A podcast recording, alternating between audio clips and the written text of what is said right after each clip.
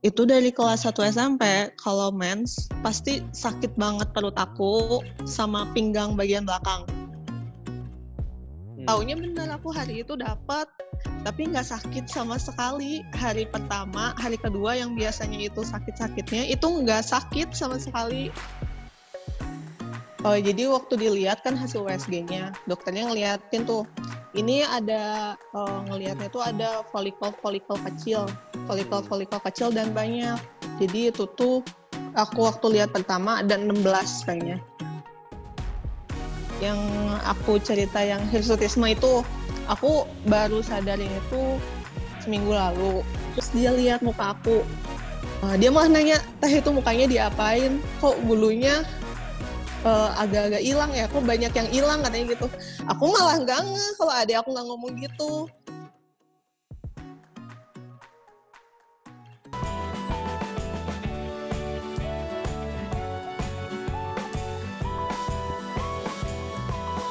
Hai, gue Willy Yonas. Selamat datang di podcast Sehat Seutuhnya. Halo semua, selamat datang di podcast Sehat Seutuhnya bersama saya Willy Yonas. Di episode podcast kali ini kita akan sama-sama mempelajari satu topik yang menarik banget, menarik banget. Semua para perempuan ini wajib banget dengar dan buat laki-laki yang ya maksudnya punya udah punya istri, udah punya pacar, kayaknya penting juga buat dengar topik ini karena dengan knowledge ini kalian bisa juga bantu orang-orang lain, bantu perempuan-perempuan di sekitar kalian untuk lebih sehat lagi. Ini topiknya mengenai PCOS atau Polycystic Ovarian Syndrome dan juga sakit menstruasi. Dan ternyata yang menarik penelitian-penelitian belakangan ini yang juga sudah dilakukan oleh mentor saya, Dr. Neil Barnard di Amerika Serikat, bahwa ternyata plant-based diet ini bisa menolong sakit menstruasi. Dan ini ada cerita yang kita dapat waktu itu uh, dapat DM dari bintang tamu kita hari ini kalau ternyata setelah mengadaptasi pola makan plant-based diet atau paling nggak memperbanyak asupan makanan nabatinya, ternyata sakit menstruasinya itu juga terpengaruh.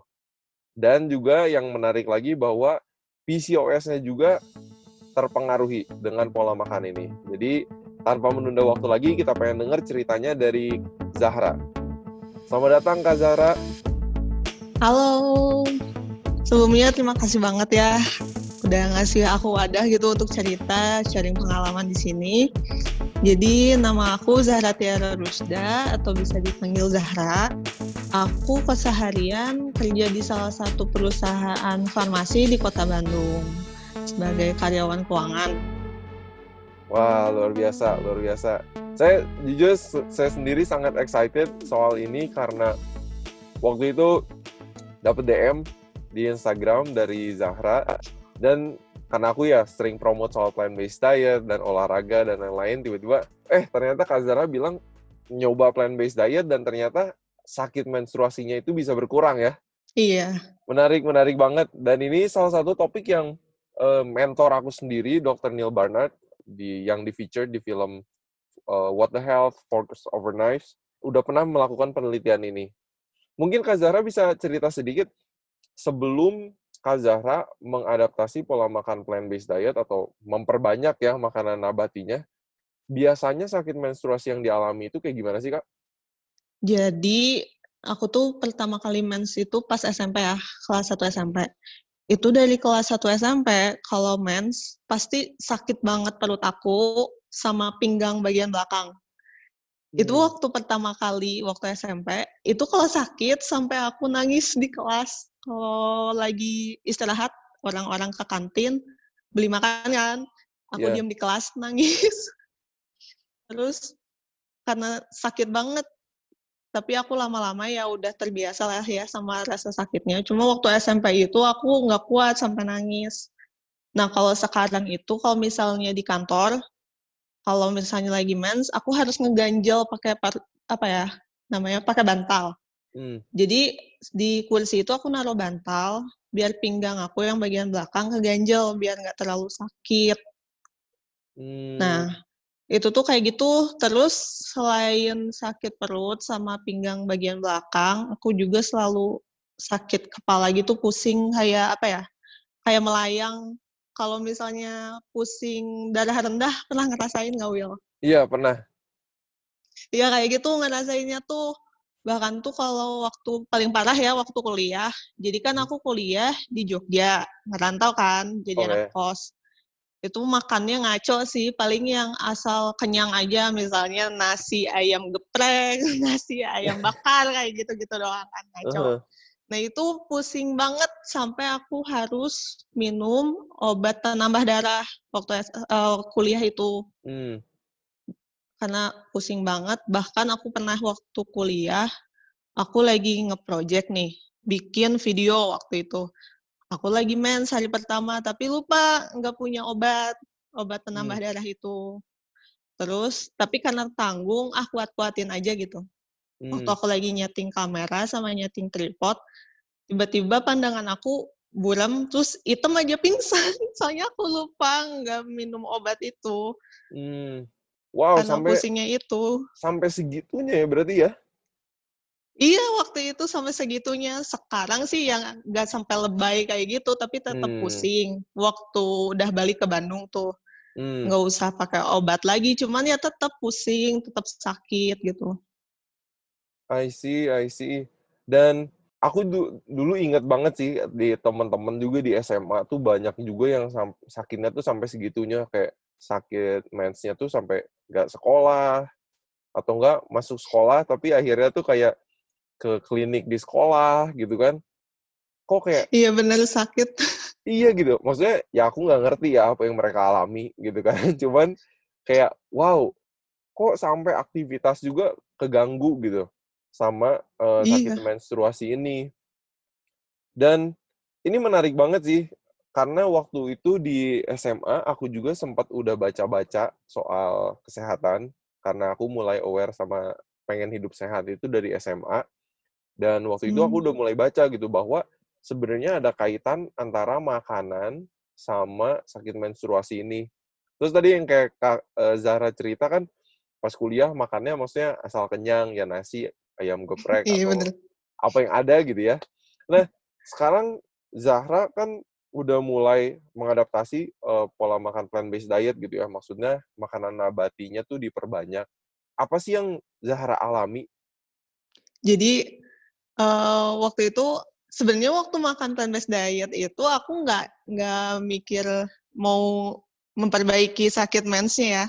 Tapi Mmm. waktu itu, jadi biasanya kalau aku mau mens, beberapa hari sebelumnya, itu tuh udah ngerasa sakit perut sama pinggang udah berasa sama agak-agak melayang gitu ya pusingnya. Mmm. Aku lihat di kalender yang di aplikasi di HP itu loh, yang Oke kalender oke. menstruasi. Nah katanya emang beberapa hari lagi, jadi emang ada tanda-tandanya. Waktu itu tuh aku nggak ngerasain sakit, jadi aku malah mikir jangan-jangan ini aku mau telat mens lagi, soalnya nggak ada tanda-tandanya, nggak sakit Mmm. perut kayak gitu. Taunya aku lihat kalender tuh di hari di mana kata kalender tuh aku harusnya hari itu mens. Mmm. Taunya bener aku hari itu dapet, tapi nggak sakit sama sekali. Hari pertama, hari kedua yang biasanya itu sakit-sakitnya, itu nggak sakit sama sekali, pusing juga enggak gitu. Jadi aku bingung ini pertama kalinya karena selama ini kan dari SMP itu selalu sakit, baru nggak Mmm. sakitnya tuh waktu udah convert gitu ya ke plant-based diet. Mmm. Wah itu luar biasa banget sih Kak, kayak nggak nyangka kalau misalnya ternyata plant-based diet bisa ngurangin rasa sakit menstruasi, bahkan nggak kerasa sama sekali ya kalau di kasus Kakak ya. Kita bakal dive deeper lagi juga ke science-nya setelah ngobrol-ngobrol sama Kak Zahra ini. Nanti kita akan lihat sebenarnya apa sih yang science sudah tahu, gimana makanan itu bisa mempengaruhi rasa sakit menstruasi gitu ya. Nah, tadi Kak Zahra sendiri bilang pas pertama makan cobain plant-based diet gitu ya, sebenarnya nggak expect untuk sakit menstruasinya berkurang gitu ya. Sebenarnya apa sih motivasi pertama pas Kak Zahra itu adaptasi pola makan plant-based diet ini?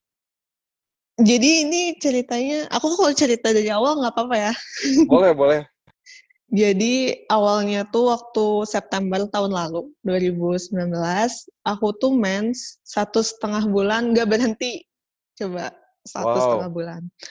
Nah waktu di 2 minggu pertama, aku udah ngeh ya ini nggak beres, jadi aku ke OB-GYN. waktu di Opjin tuh dikasih tahu kan sama dokternya, e, "Ini kamu ada kista ukurannya 1,33 cm," katanya gitu. Hmm. Nah, terus beberapa hari kemudian aku ke Opjin lagi yang berbeda, karena ada beberapa hal yang pengen aku tanya gitu ya. Pas ke Opjin lagi tuh ternyata udah naik jadi 1,8 cm. Jadi kan dia naiknya tuh setengah cm, cuma beberapa Wow. hari padahal. Terus dokternya juga heran kenapa cepet gitu ya eee, ngegedeinnya. Terus Hmm. dari situ aku jadi googling kan, eee, apa sih penyebabnya kista. Terus waktu itu ada salah satunya tuh bilang, daging merah dong. Nah aku inget, Mmm. emang 2 hari sebelumnya aku habis makan all you can eat, makan daging merah banyak banget. Mmm. Nah aku nggak tahu itu apakah benar ada pengaruh, eee, dari situ atau enggak, cuman aku dari situ udah berhenti kan, jadinya berhenti makan daging. Terus aku memperbanyak makan, eee, yang antioksidannya tinggi gitu ya, yang Mmm. banyakan di sayur sama di buah sama di rempah-rempah. Jadi dari situ aku tiap hari kayak bikin jamu-jamu gitu Mmm. dari rempah-rempah. Aku ngelakuin itu, sebulan kemudian aku ke Opjin lagi, taunya udah hilang, katanya udah nggak ada, kistanya udah bersih. Kayak bersih banget? Tapi iya nggak ada, bener-bener udah nggak ada. Terus mens aku juga udah berhenti, jadi berhenti di 1,5 bulan waktu itu tuh Mmm. mensnya. Tapi dokternya bilang, "Ini ternyata kamu PCOS ya," katanya gitu. Wah, jadi kayak udah kistanya Jadi itu hilang kistanya hilang, udah Iya. gitu malah dapet yang baru gitu, diagnosa baru gitu? Iya bener, padahal kan aku kira ya udah itu selesai di situ gitu ya, drama-drama ini, taunya ada lagi. Nah, itu tuh, eee, jadi waktu dilihat kan hasil USG-nya, dokternya ngeliatin tuh, ini ada, eee, ngelihatnya tuh ada folikel-folikel kecil, folikel-folikel kecil dan banyak. Jadi itu tuh aku waktu lihat pertama ada 16 kayaknya. Ukurannya itu cuman seukuran 0,3 cm sampai 0,7 cm paling gede. Mmm. Dan bentuknya itu melingkar kayak gelang gitu. Kalau dokternya bilangnya kayak roda pedati katanya, melingkar-melingkar gitu. Wow, menarik Sedangkan menarik. waktu itu iya kan, waktu itu dokternya bilang, kalau mau ovulasi atau mau apa, melepaskan sel telur, si folikelnya itu seenggaknya harus seukuran 1,8 cm. Tapi ukuran yang aku kan Oh. kecil ya, cuma 0,3 cm. Mmm. Nah, dari situlah aku ya aku tahu aku PCOS dari situ. Makanya aku, eee, jadi mendalami lagi ya, me eee, untuk hidup lebih sehat, makan lebih sehat tuh dari situ, dari yang PCOS itu. I see. Dan kalau boleh tanya, setelah, eee, didiagnosa PCOS atau bahkan sebelum PCOS, ada nggak sih, eee, yang dialami Zahra sampai bilang, "Oh ini PCOS," gitu? Kayak sign and Nah ini yang gitu? menarik. Jadi emang aku waktu dokternya bilang kalau aku PCOS, aku, nggak kaget yang PCOS apaan gitu, tapi aku udah tahu karena beberapa temen aku ada kan yang PCOS. Mmm. Tapi tuh symptoms yang mereka punya, aku nggak punya. Jadi mereka itu kebanyakan kayak berat badan berlebih, terus, eee, Mmm. berjerawat, sama mens nggak teratur, itu nggak ada dong di aku. Jadi aku juga nggak sangka kalau aku PCOS, tapi ngelihat hasil USG-nya, oh ternyata iya aku PCOS. Jadi kalau Mmm. yang di aku tuh ya, aku emang ada gangguan tidur. Jadi kalau misalnya aku mau tidur nih, udah matiin lampu, udah naruh HP, udah tiduran, udah merem, itu baru 2 sampai 3 jam kemudian aku bisa tidur. Wow. Karena susah, aku nggak ngantuk. Jadinya waktu 2 sampai 3 jam nggak tidur itu akunya jadi sih nggak banyak masalah, cuman mikir banyak aja waktu mau nunggu tidurnya itu. Besoknya Mmm. aku bangun nggak segar. Terus habis itu seharian kan jadi ngantuk-ngantuk gitu, jadi sering nguap-nguap tuh kalau di kantor lagi kerja aja suka, aduh berlinang air mata soalnya keseringan nguap. Oh, wow. Menarik menarik. Sampai Jadi, kayak gitu. susah tidur ya? Terus selain Mhm. Ih, selain susah banget. susah susah tidur, ada apa lagi nggak yang dialami? Terus habis itu, eee, ini juga aku ada namanya simptomnya itu hirsutisme. Jadi uh, tumbuhnya bulu berlebih di muka sama di badan gitu ya. Hmm. Nah, aku pikirnya dulu ya itu hal biasa kayak ada orang pendek, ada orang tinggi, ada orang sipit, ada orang belo. Jadi aku ngerasa itu hal yang normal gitu. Ternyata pas baca-baca itu salah satu simptom PCOS loh. Aku baru tahu di situ. Wah, jadi uh, rambut banyak lebih banyak tumbuh gitu ya? Iya, di muka sama di badan, tapi rambut di kepala malah banyak banget yang rontok. Oh, menarik. ini. Jadi di badan sama kayak di muka lebih banyak, rambut malah jadi rontok. iya, jadi samanya banyak gitu. Kalau aku cuma nyisir pakai tangan aja gitu ya, huh? itu adalah yang nyangkut beberapa helai itu ya lumayan banyak. Nah, oh. rontok banget. Wow, wow. Dan ini menarik sih. Jadi orang-orang yang punya PCOS simptomnya nggak selalu sama. Jadi kayak Zahra hmm. tadi temennya ada yang oh jadi kelebihan berat badan, tapi Zahra nggak. Ada yang menstruasinya jadi nggak teratur. Kayak Zahra teratur-teratur aja, tapi munculnya simptom yang nggak bisa tidur, tumbuh rambut berlebihan gitu ya. Mm-mm, Dan benar. setelah Zahra ketahuan nih PCOS, solusi atau treatment apa sih yang Zahra cari waktu itu? Atau apakah dari dokter Jadi, waktu itu ada juga uh, ditawarin, oh kayaknya misalnya treatment ini deh gitu, ada nggak sih? Ada, jadi waktu pertama dikasih tahu sama jinnya kalau aku PCOS, pulang-pulang aku dikasih obat kan.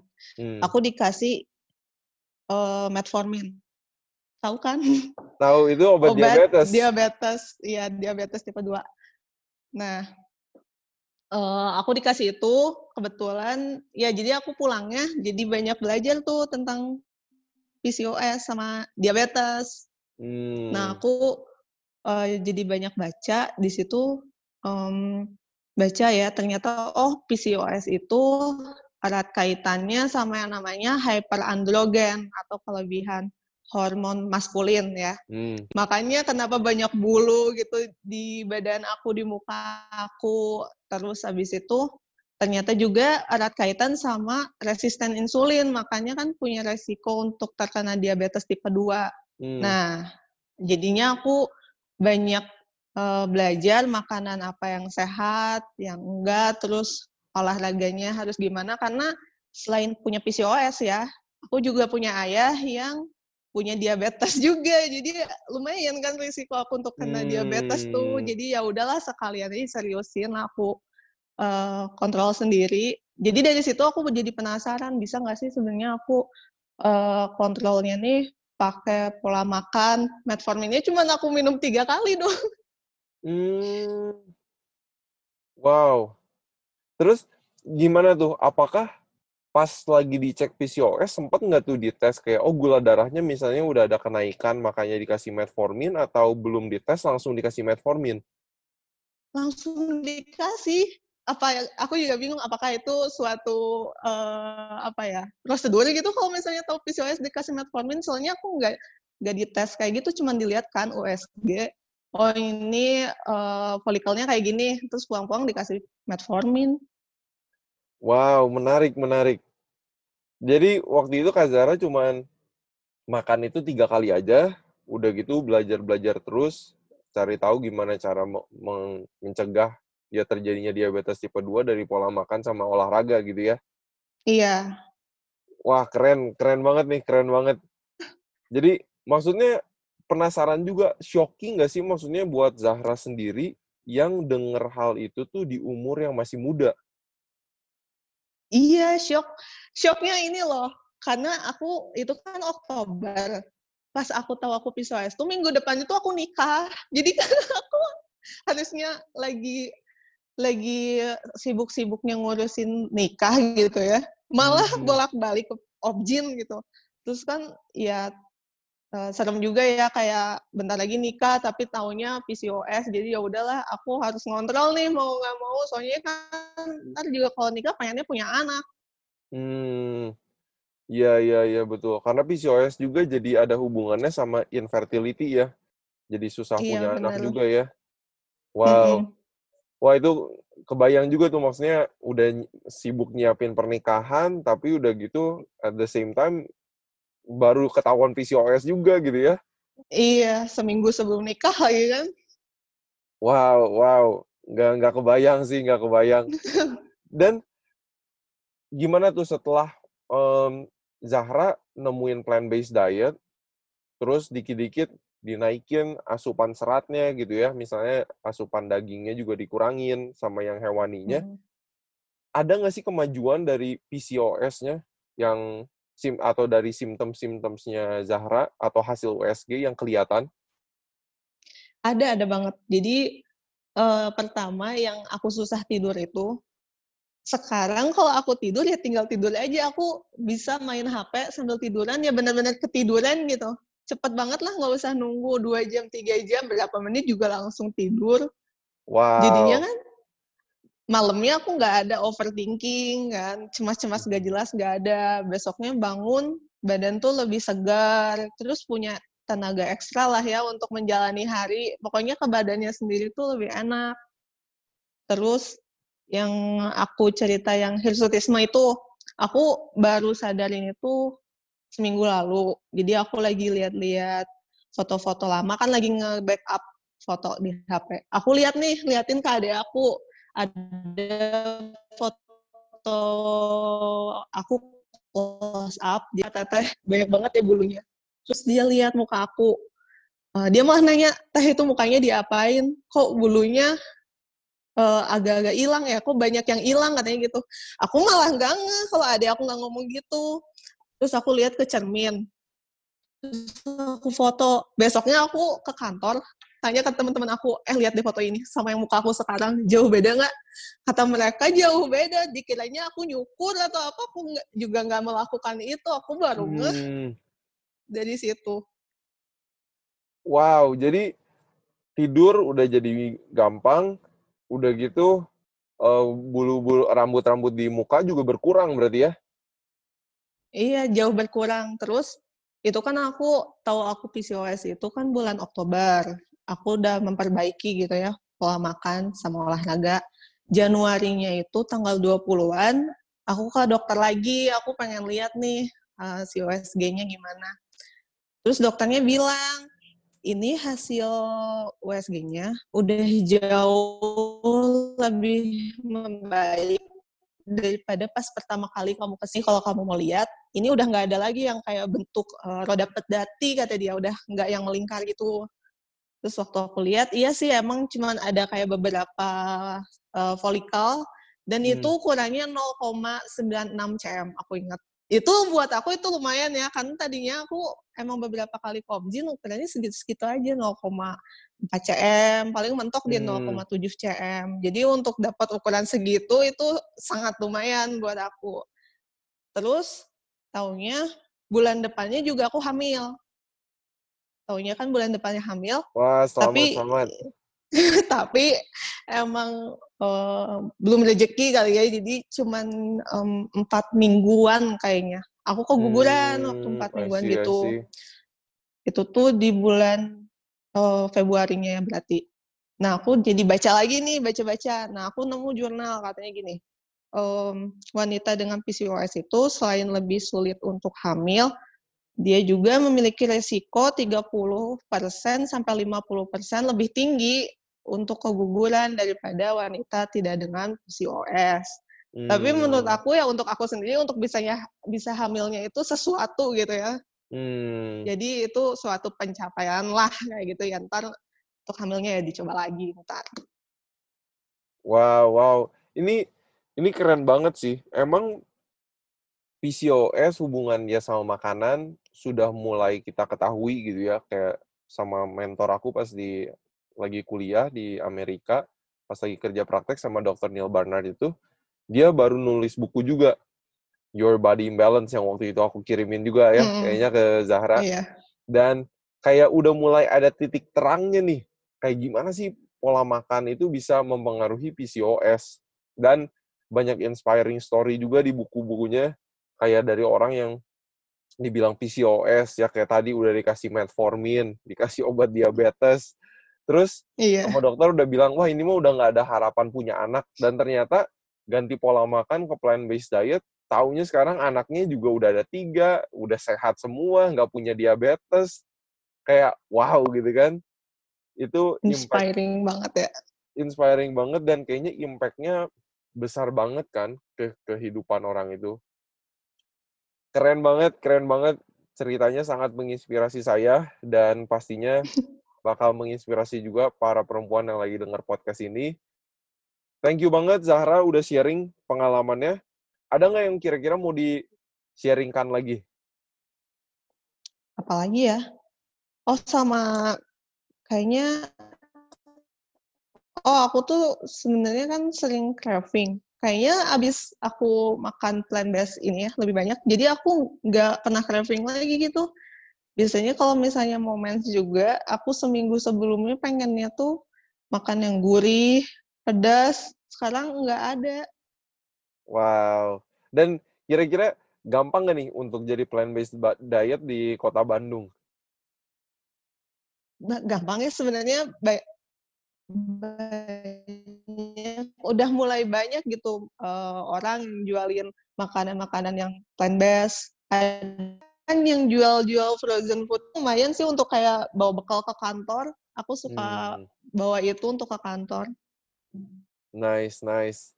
Mantap, mantap. Jadi walaupun Bandung kota kuliner, sebenarnya kita tetap bisa makan plant-based diet ya. iya, iya banget. Masih bisa banget kok. Masih bisa banget. Thank you banget uh, Zahra atas sharing story-nya.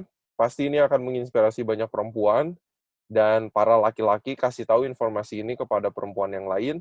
Dan setelah ini kita akan dive in atau menggali lebih dalam lagi secara ilmu pengetahuan kenapa sih plant-based diet ini bisa menolong rasa sakit menstruasi dan juga PCOS.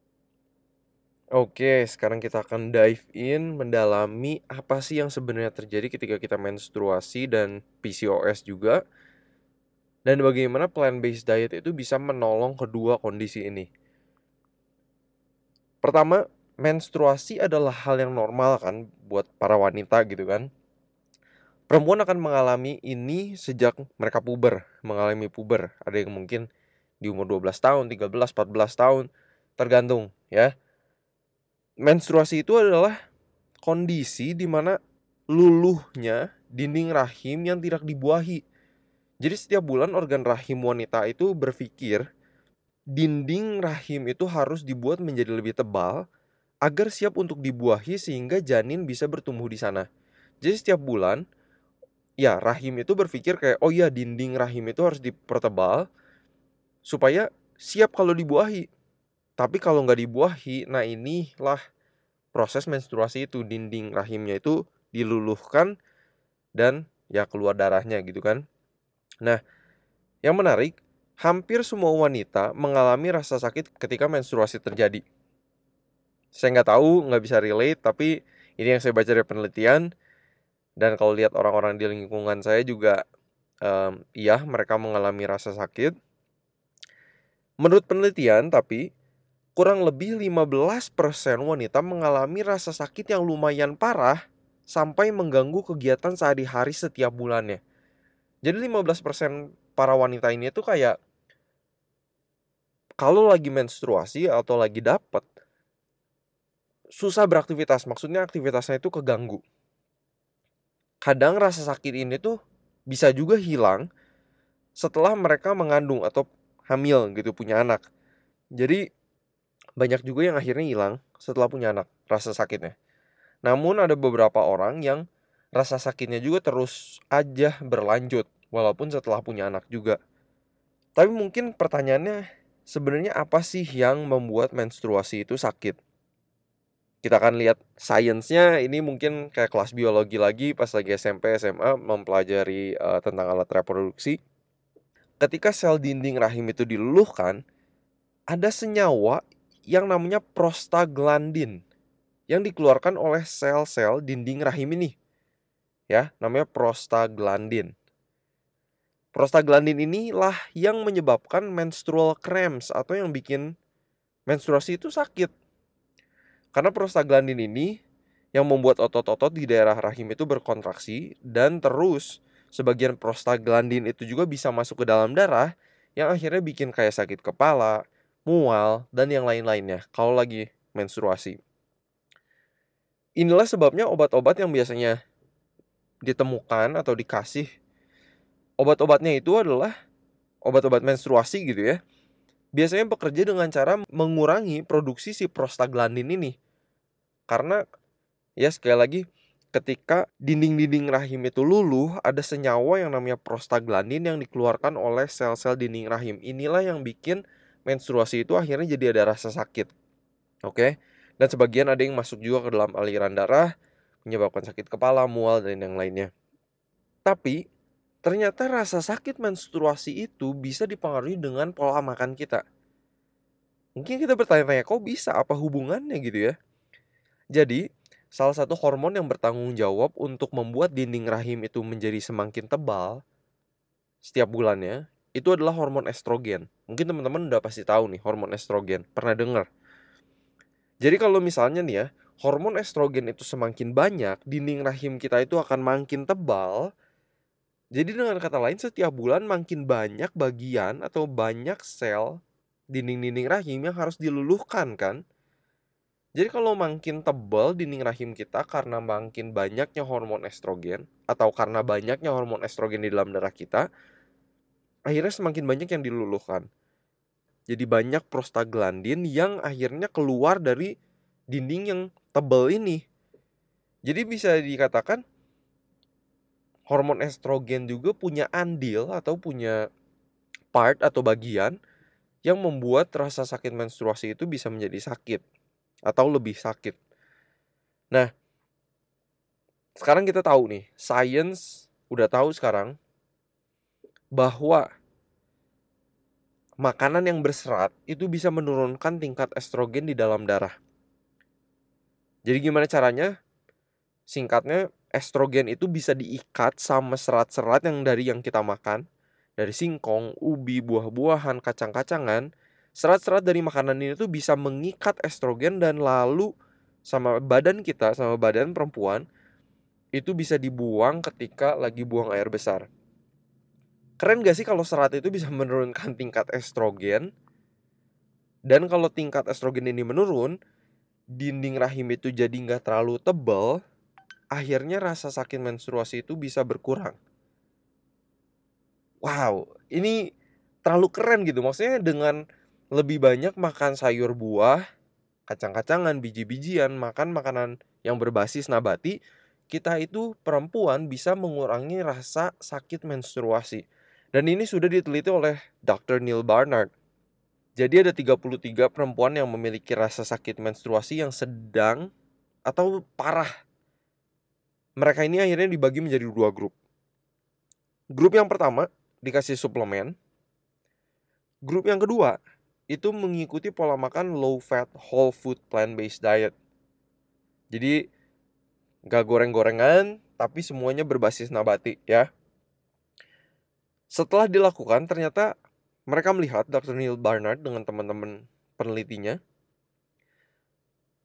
perempuan yang punya rasa sakit menstruasi yang terus akhirnya makan plant based diet mengalami pengurangan rasa sakit dan jumlah hari yang biasanya terganggu juga berkurang. Jadi misalnya tingkat rasa sakitnya misalnya sebelumnya 8. Setelah makan plant-based diet misalnya jadi 4. Terus kalau misalnya biasanya rasa sakit menstruasinya 3 hari, akhirnya jadi satu hari. Dan ini tuh mereka melihat um, apa ya kemajuan yang cukup signifikan gitu. Kalau yang tadinya aktivitasnya terganggu dari tiga hari menjadi satu hari kan itu lumayan banget dari yang sakitnya biasanya misalnya di angka 8 terus sekarang jadi angka 4 kan itu nolong banget gitu jadi kalau buat teman-teman perempuan yang lagi dengar podcast ini kenapa nggak coba gitu kan? Kenapa sih nggak coba makan plant based diet kalau misalnya emang kalian mengalami sakit menstruasi yang cukup sakit? Why not try? Gitu kan? Semoga ini bisa menolong. Dan kontrasnya ya kalau misalnya tadi kita ngomongin plant based diet bisa nurunin tingkat estrogen kontrasnya makanan hewani itu banyak yang mengandung estrogen khususnya paling banyak itu di susu sapi kayak keju dan teman-temannya. Kalau misalnya kita banyak makan makanan ini kemungkinan tingkat estrogen dalam darah itu bisa meningkat dan dinding rahim akhirnya semakin tebal ketika menstruasi lebih banyak dinding yang diluluhkan ya. Dan bukan cuma itu aja yang concernnya dari animal products atau dari daging atau dari ya produk susu keju kayak gitu cuman daging juga banyak mengandung omega 6 yaitu arachidonic acid yang adalah bahan dasar untuk membuat prostaglandin.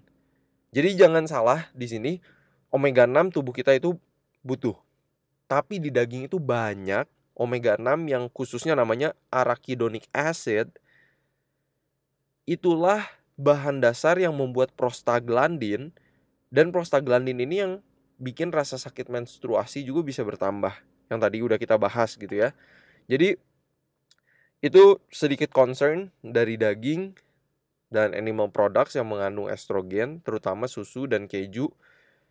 Itu banyak estrogen ya. Jadi bisa dieksperimen, nggak salah untuk ngurangin makan uh, susu sapi, udah gitu keju, karena it's not the best food anyway. Tapi coba favor lebih banyak makanan nabati. Dan kalau kita lihat dari pengalaman Zahra ini benar-benar bisa terjadi gitu. Saya juga kaget.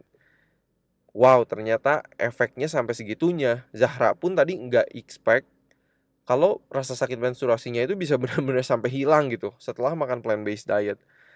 Jadi keren keren banget walaupun penelitian soal makanan hubungan makanan dengan sakit menstruasi itu nggak terlalu banyak ada ini menarik banget salah satu penelitian di Jepang meneliti soal ini juga hubungan makanan serat dengan sakit menstruasi dan mereka melihat hal yang sama. Tapi yang menarik di tahun 2005 aja mereka tulis di penelitiannya yang mereka tahu cuman ada lima penelitian di dunia yang sudah meneliti soal pola makan dan juga sakit menstruasi. Jadi obviously kita butuh banyak penelitian lagi mengenai ini. Um, ya supaya kita bisa makin yakin, kita makin tahu. Tapi kita sudah mulai dapat apa ya titik terang lah ya kalau boleh dibilang titik terang kalau plan based diet itu bisa nolong sama sakit menstruasi. Oke, yang selanjutnya itu PCOS atau namanya Polycystic Ovarian Syndrome. Polycystic ovarian syndrome ini adalah kondisi di mana hormon terganggu sehingga menyebabkan produksi hormon androgen terlalu banyak dan biasanya terjadi gangguan dalam menstruasi. Nah, hormon androgen ini sering dibilang hormon laki-laki. Hormon androgen yang berlebihan ini dapat menyebabkan ovarium atau indung telur jadi ada kantong-kantong cairan gitu sehingga sel telur itu tidak dapat berkembang dengan sempurna dan gagal dilepaskan secara teratur. Nah, kenapa sih seorang perempuan tiba-tiba hormon androgennya atau hormon laki-lakinya itu jadi banyak? Penyebabnya belum diketahui. Tadi juga saya baru bacain penelitian yang keluar di 2018, 2019. Penyebab PCOS ini gak diketahui. Mungkin genetik kita masih nggak tahu juga. Maksudnya peran genetik berapa persen, berapa li peran lifestyle, berapa persen kita masih nggak tahu. Nah, berapa banyak sih yang mengalami PCOS ini? Kira-kira itu 6 sampai 20 persen perempuan di usia produktif itu mengalami PCOS. Jadi ya banyak banyak enggak gitu ya. Maksudnya mungkin kalau 20% kayak satu dari lima perempuan mengalami PCOS. Ya, tapi ya maksudnya ya cukup banyak gitu ya. Maksudnya kita juga kasihan sama perempuan yang mengalami PCOS. Kenapa? Soalnya kalau misalnya seseorang mengalami PCOS ini, menstruasinya itu cenderung jadi nggak teratur, bakal susah hamil. Terus ada yang namanya hiturisme, banyak rambut pada wajah dan tubuh. Karena hormon androgen itu makin banyak hormon laki-lakinya, jadi mukanya jadi berambutnya tuh lebih tebal gitu di muka dan di tubuh juga. Udah gitu muncul jerawat yang parah juga bisa kebotakan atau rambut rontok juga bisa, naik berat badan juga bisa, terjadinya resistensi insulin, jadi cenderung resikonya lebih tinggi untuk terkena diabetes juga iya, menstruasi yang berkepanjangan juga iya, warna kulit menjadi gelap terutama di bagian leher, selangkangan atau di bawah payudara itu juga bisa. Nah, orang-orang yang punya PCOS biasanya nggak mengalami semua ini, biasanya beberapa. Kayak tadi Zahra cerita, oh yang dialami mah hiturisme dialami, rambut di wajah jadi banyak. Tapi berat badannya nggak nggak naik-naik, tapi temennya yang mengalami PCOS berat badannya itu naiknya cukup cepat gitu ya. Nah mungkin pertanyaannya kita langsung aja bisa nggak sih pola hidup sehat mencegah isu-isu yang dialami oleh penderita PCOS ini? Jawabannya itu sangat bisa. Karena emang secara medis juga PCOS itu nggak ada solusi apa ya yang konkret gitu ya. Maksudnya kayak oh obat ini bakal nyembuhin PCOS gitu nggak ada juga. Jadi pola makan plant based diet tentunya bisa mencegah kenaikan berat badan. Ya, itu boleh teman-teman dengerin di podcast kita mengenai turun berat badan. Dan pola makan plant based diet ini juga bisa mencegah terjadinya diabetes. Oke. Dan olahraga juga bisa melakukan hal yang sama mencegah kenaikan berat badan, mencegah terjadinya diabetes. Jadi buat para penderita PCOS sebenarnya penting banget gitu untuk makan lebih banyak makanan nabati, udah gitu olahraga juga pentingnya penting banget. Kita juga masih nggak yakin, maksudnya penelitiannya perlu ada lebih banyak. Apakah plant based diet ini uh, bisa menolong semua orang yang punya PCOS gitu ya? Tapi di dalam buku yang ditulis Dr. Neil Barnard judulnya Your Body in Balance itu juga mencatat cerita seseorang yang sembuh dari PCOS-nya sampai akhirnya bisa punya anak dan sehat gitu nggak kena diabetes enggak berat badannya stabil dengan pola makan plant based diet dan juga hidup sehat lainnya gitu jadi kita mulai dapat titik terang sekali lagi tapi kita masih butuh penelitian yang lebih banyak juga supaya kita bisa lebih yakin tapi kan gak ada salahnya gitu untuk orang yang udah punya PCOS mencoba untuk makan lebih banyak makanan nabati dan olahraga. Gak ada salahnya sama sekali gitu. Nah, tapi yang satu hal yang penelitian udah tahu, penderita PCOS itu memiliki tingkat senyawa yang namanya AGE, AGE atau Advanced Glycation and Products yang tinggi di dalam darah mereka. Nah, Advanced Glycation and Products ini adalah senyawa gula yang nempel sama protein atau sama lemak. Senyawa ini tuh AGE itu banyak lebih tinggi di, ting di darah mereka dibandingkan dengan orang yang normal, perempuan-perempuan yang sehat nggak punya PCOS gitu. Nah, yang sekarang kita tahu dari penelitian di jaringan yang di ovarium itu yang PCOS ini terdapat reseptor AGE ini. Jadi uh, apa ya? Reseptor itu penerima AGE ini. Jadi kalau misalnya semakin tinggi AGE ini, ini tuh bisa memicu inflamasi atau peradangan yang semakin tinggi juga dan ini tuh nggak menolong orang-orang yang punya PCOS. Oke? Okay? Nah, apakah AGE ini ada di makanan? Ternyata ada tingkat advanced glycation and products ini itu paling banyak di daging dan juga di makanan yang digoreng. Jadi it's a good idea untuk orang-orang yang punya PCOS untuk meninggalkan daging mulai dari menguranginya dan juga makanan-makanan yang digoreng. Perlu sangat dihindari. Soalnya kalau enggak tuh itu tuh kayak apa ya? Kayak menuangkan bensin ke api yang udah nyala. Ingat sekali lagi bahwa di jaringan ovarium para penderita PCOS ini banyak reseptor AGE ini dan AGE paling banyak di daging dan di makanan yang digoreng. Jadi kayak api yang udah nyala, PCOS-nya udah ada, terus sama kita diperburuk gitu kalau kita banyak makan makanan yang mengandung AGE. Jadi kita nggak mau pastinya untuk menuangkan bensin ke api yang sudah menyala, gitu kan? Jadi ini juga sudah diteliti.